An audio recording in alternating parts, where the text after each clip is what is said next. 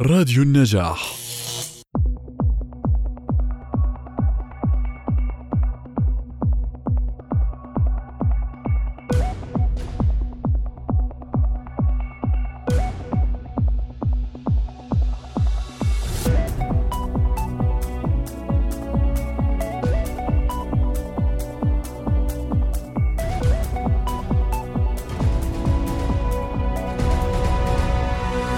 أهلا بكم مستمعينا وكل عام وأنتم بخير بمناسبة حلول شهر رمضان المبارك نطل عليكم بأولى حلقات مجلتكم الأسبوعية رمضان plus ونبدأها بالعناوين هل من الممكن أن يتم إنقاص الوزن دون ال diet؟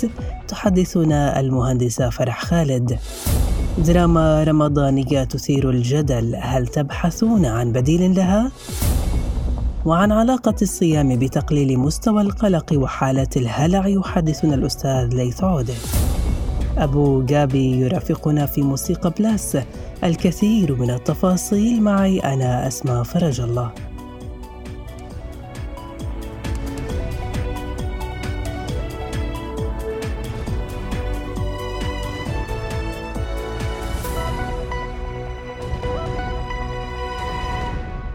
محور اهتمام الجل في هذه الأيام المباركة هو إنقاص الوزن. وبما أن شهر رمضان المبارك هذا العام جاء بعد شتاء طويل فالحاجة لإنقاص الوزن تكون مضاعفة تحسبا لقدوم عيد الفطر. تكثر الأنظمة الغذائية والنصائح التي اعتدنا على سماعها حول الرجيم الذي يعتبر أول المتطلبات التي يبحث عنها. اليوم في رمضان plus نجيب عن التالي مع أخصائية التغذية المهندسة فرح خالد هل من الممكن إنقاص الوزن من غير الرجيم؟ كيف نقدر ننزل وزننا في رمضان من غير diet؟ أول نقطة المحافظة على شرب الماء شرب كوبين من الماء عند الأذان يساعد على امتلاء المعدة والتقليل من كمية الطعام عند الإفطار اثنين السحور الجيد. آه، أخذ وجبة متكاملة على السحور تعطينا الطاقة كامل اليوم. فما بنستقبل وجبة الإفطار بجوع فعشان هيك ما بصير عندنا إسراف في الطعام فعشان هيك لازم نركز على وجبة السحور وما آه، نلغيها. ثلاثة تناول حاجتك من البروتين وإكثار من الخضار. آه الجسم بأخذ كتير من الطاقة لهضم البروتين. بيساعد على الشبع لفترة طويلة. فبالتالي دائما بعد ما نكسر صيامنا نحاول نأخذ قطعة الدجاج اللحم آه السمك أو شوربة العدس بجانب هالخضار. بعدين النشويات تكون آخر إشي. أربعة كسر الإفطار ببطء. مع الجوع يبدو تناول وجبة صحية صعبة المراد. عشان هيك لازم تبلش بتناول التمر. الماء نقوم نصلي بعدين نرجع نشرب صحن الشوربة بعدين السلطة بعدين نبلش بالوجبة الرئيسية. طبعا بهاي الطريقة الجسم رح يبلش يرسل آه، إشارات الشبع بعد نصف ساعة من الوجبة الأولى فبالتالي رح يكون آه، رح ناكل احتياجنا فقط من غير ما نبالغ. خمسة تقليل من السكريات والموالح قدر المستطاع. السكريات طبيعي بترفع السكر في الدم مما بيزيد في رغبتك في تناول المزيد من الطعام. وذلك يعني المزيد من السعرات والمزيد من الدهون المختزنة. يعني نحاول نختار اختيار صحي سناك صحي إما آه، حبة فاكهة أو بإمكاننا نأخذ إشي قطايف مشوية القطر نستبدل بالشيرة الصحية. ستة استبدل القلي بالشوي. هاي الحركة بتقلل سعرات الطعام إلى النصف تقريباً. طبعا عند التزامك بهاي التعليمات ما بتعني نزول سريع للوزن لكن حتكون في العيد نتائج كثير حلوة بإذن الله وفي دراما plus هل سيتوقف الجدل حول الأعمال الرمضانية مستقبلاً؟ مع أن الأعمال الدرامية التي يتم الترويج لها قبل حلول الشهر الكريم تثير الجدل في كل مرة إلا أن الصدمة في بعض الأحيان قد ترافق ردة الفعل عليها. نبدأ بمسلسل من شارع الهرم إلى الذي تم انتقاده من قبل رواد مواقع التواصل الاجتماعي فور الإعلان عنه، مرجئين السبب لطريقة تناول المسلسل للمرأة المصرية.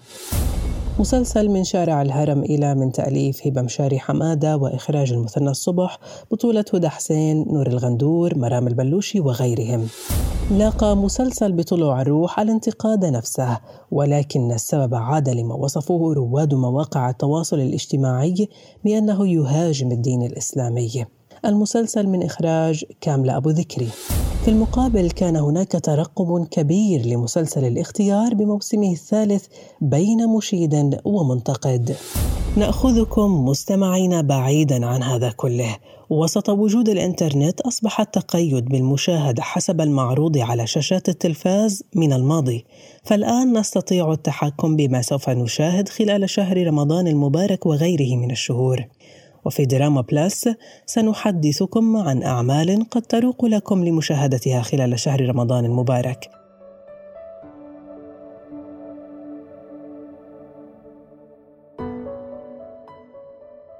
مسلسل عمر بن الخطاب كتابة وليد سيف إخراج الراحل حاتم علي الذي صدر في رمضان 2012 كما أنه كان محط جدل بين معارض لبثه ومؤيد ولكن فور عرضه حاز على ملايين المشاهدات المسلسل يتناول سيرة الصحابي الجليل عمر بن الخطاب ثاني الخلفاء الراشدين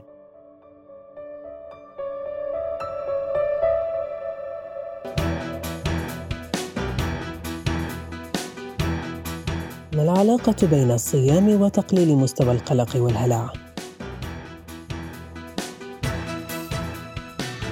الاضطراب النفسي عادة ما يكون ناجما عن شعور طبيعي اعتيادي يتحول إلى معيق لسير مجرى الحياة الطبيعية، إذ يعتبر القلق شعور طبيعي يراود الإنسان من حين إلى آخر، أما إذا تكرر في أحيان متقاربة من غير سبب حقيقي وبات يعيق مجرى الحياة فهذا يعني تحوله لعيادي.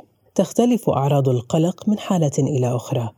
وتشمل الأعراض الصداع العصبية أو التوتر، الشعور بغصة في الحلق، صعوبة في التركيز، التعب، التهيج وقلة الصبر، الارتباك، الإحساس بتوتر العضلات والأرق وغيرها، في حين يتخوف البعض وتراوده الشكوك بأن الصيام قد يكون مسببا ومثيرا لحالات القلق والهلع، وهنا يخبرنا الأستاذ ليث عود الحاصل على درجة الماجستير في علم النفس الإكلينيكي عن فوائد الصيام في تقليل مستوى القلق والهلع.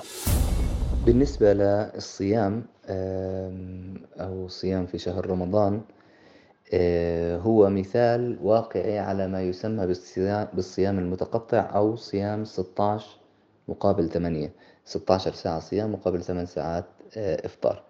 وهو نوع من الصيام الصحي واللي له ثبت كثير حسب الدراسات إنه له آثار إيجابية على آه، الجسم. آه، ومن هاي الآثار الإيجابية ارتفاع مستوى السيروتونين في الدم والبلازما وارتفاع مستوى السيروتونين في الدم والبلازما بيعني إنه فرص الإصابة بالقلق أو بنوبة الهلع أو بالإكتئاب أو بالاضطرابات ذات العلاقة راح تكون أقل. لكن هذا ما بيمنع أنه هناك بعض الآثار الجانبية لهذا الصيام وهو ما يسمى بال mild stress أو بالضغط أو القلق والتوتر المتوسط والبسيط. القلق البسيط هو نوع من القلق اللي بيعمل حافز عند الإنسان للإنجاز وحافز على التطور وحتى حافز جسدي على تحسين بعض الأعراض الجسدية لدى الإنسان. بيتشبه هذا ال mild stress بما يحدث عند الشخص لما بيذهب للقيام بنشاط رياضي معين. فعند مثلا لما بيعمل ال cardio أو بيعمل التدريب في نشاط رياضي معين بيصير عندنا ما يسمى بالتعضيل. وهذا التعضيل هو مفيد جدا لاحقا لتطوير قدرة الشخص على بناء العضلات أو الهدم والبناء اللي هي عمليات الأيض في الجسم وهذا بالضبط ما يحدث مع ال mild stress إنه بيساعدنا على إعادة بناء بعض الخلايا المهمة كيف لنا أن نفرق بين القلق البسيط ونوبات الهلع يحدثنا العودة؟ طبعا الآن بدنا نفرق بين جانبين هو جانب الأشخاص المضطربين أصلا اللي عندهم panic attack أو نوبة الهلع أو عندهم القلق الشديد وبين الأشخاص اللي ما عندهم آه، أعراض القلق أو نوبة الهلع. الأشخاص اللي ما عندهم أعراض القلق أو نوبة الهلع بيحدث عندهم نوع من القلق البسيط مثل ما حكينا ال mild stress بيصير عند هدول الأشخاص واللي هو عادة قلق حافز. آه، بالمقابل الأشخاص اللي عندهم ال panic attack أو النوبات الهلع واضطراب القلق الشديد آه، هدول الأشخاص ممكن يتعرضوا لمشكلات أكبر من خلال أنه فقدان السيطرة بسبب الصيام أو بسبب بعض هاي الأعراض. هاي الحالات واجهناها بالعيادة لكنها ليست دائمة وليست كثيرة. النسبة الأكبر وخلال معظم أيام الشهر أو معظم فترات الصيام بتكون حالتهم مستقرة لكن هذا لا يمنع أنه بعضهم ممكن يمر بأعراض آه، غير مستقرة. لذلك بننصح هدول الأشخاص أنه ينتبهوا على ظهور هاي الأعراض مثل أنه ارتفاع مستوى القلق مثل المؤشرات السابقة لنوبة الهلع ومباشرة أنهم يتوجهوا إما للصيام للإفطار أو يتوجهوا لأخصائي الصحة العقلية ليساعدهم على آه، منع الدخول في آه، نوبة الهلع أو اكتساب مهارات التكيف مع نوبة الهلع والقلق آه، الشديد. اللي ممكن يحدث مثلا بسبب نقص الأكسجين النقص الجلوكوز وغالبا هو يحدث ليس بسبب نقص الجلوكوز وإنما بسبب الأفكار عن نقص الجلوكوز وأني أنا راح أفقد السيطرة في هذه الحالة. وعن أهمية التخطيط المسبق لمن لديهم نوبات الهلع والقلق الشديد وكيفية التعامل مع الأدوية الخاصة بالحالة يحدثنا العودة. للأشخاص اللي اوريدي عندهم نوبة الهلع أو القلق الشديد هذول الأشخاص بحاجة ليستشيروا طبيبهم أو الأخصائي العامل معهم لكيف راح يتعاملوا مع الأدوية مع الموضوع الأدوية لأنه الأدوية مهمة جدا والانقطاع عنها لفترة طويلة لمدة شهر كامل هذا الشيء ممكن يكون آه، يأثر سلبا على حالة الفرد آه، وبالتالي يجب متابعة طبية حثيثة قبل البدء بعملية الصيام سواء كان الصيام بسبب شهر رمضان أو كان بسبب الدايت أو الحاجة لإنقاص الوزن. فيجب متابعة مع الطبيب المختص واللي هو عادة بيقوم بتغيير مواعيد الأدوية بحيث تتناسب مع مواعيد الصيام. في حال أنه كانت الأدوية تتعارض مع فكرة الصيام ممكن أدوية بتعطي شعور أكثر بالجوع ممكن أدوية يصعب السيطرة على آه، عليها أنه بحاجة لعدد جرعات أكبر بخلال اليوم. آه، فبالتالي بهاي الحالة يعني الطبيب راح يطلب من الشخص أنه يفطر وما يعني حتى يحافظ على أدويته ويمنع الانتكاس.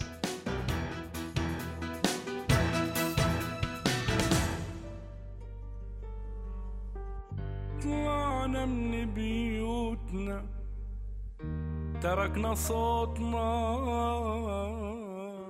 فلسطيني سوري ولد لاجئا في مخيم اليرموك وعاش رحلة اللجوء من سوريا على أثر أحداث الربيع العربي لتحط رحاله في فرنسا.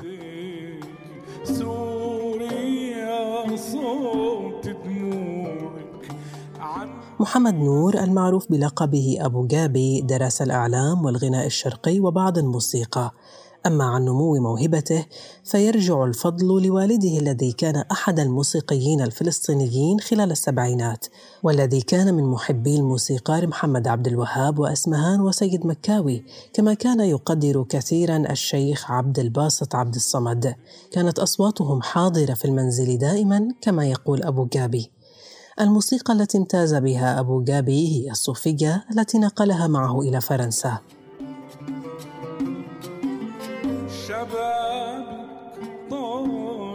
فيكي وكبر الأمل لك صوت الكرامة على سهل وجبل.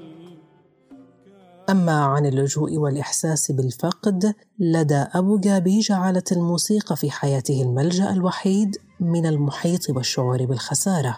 اخترنا لكم مولاي لأبو جابي.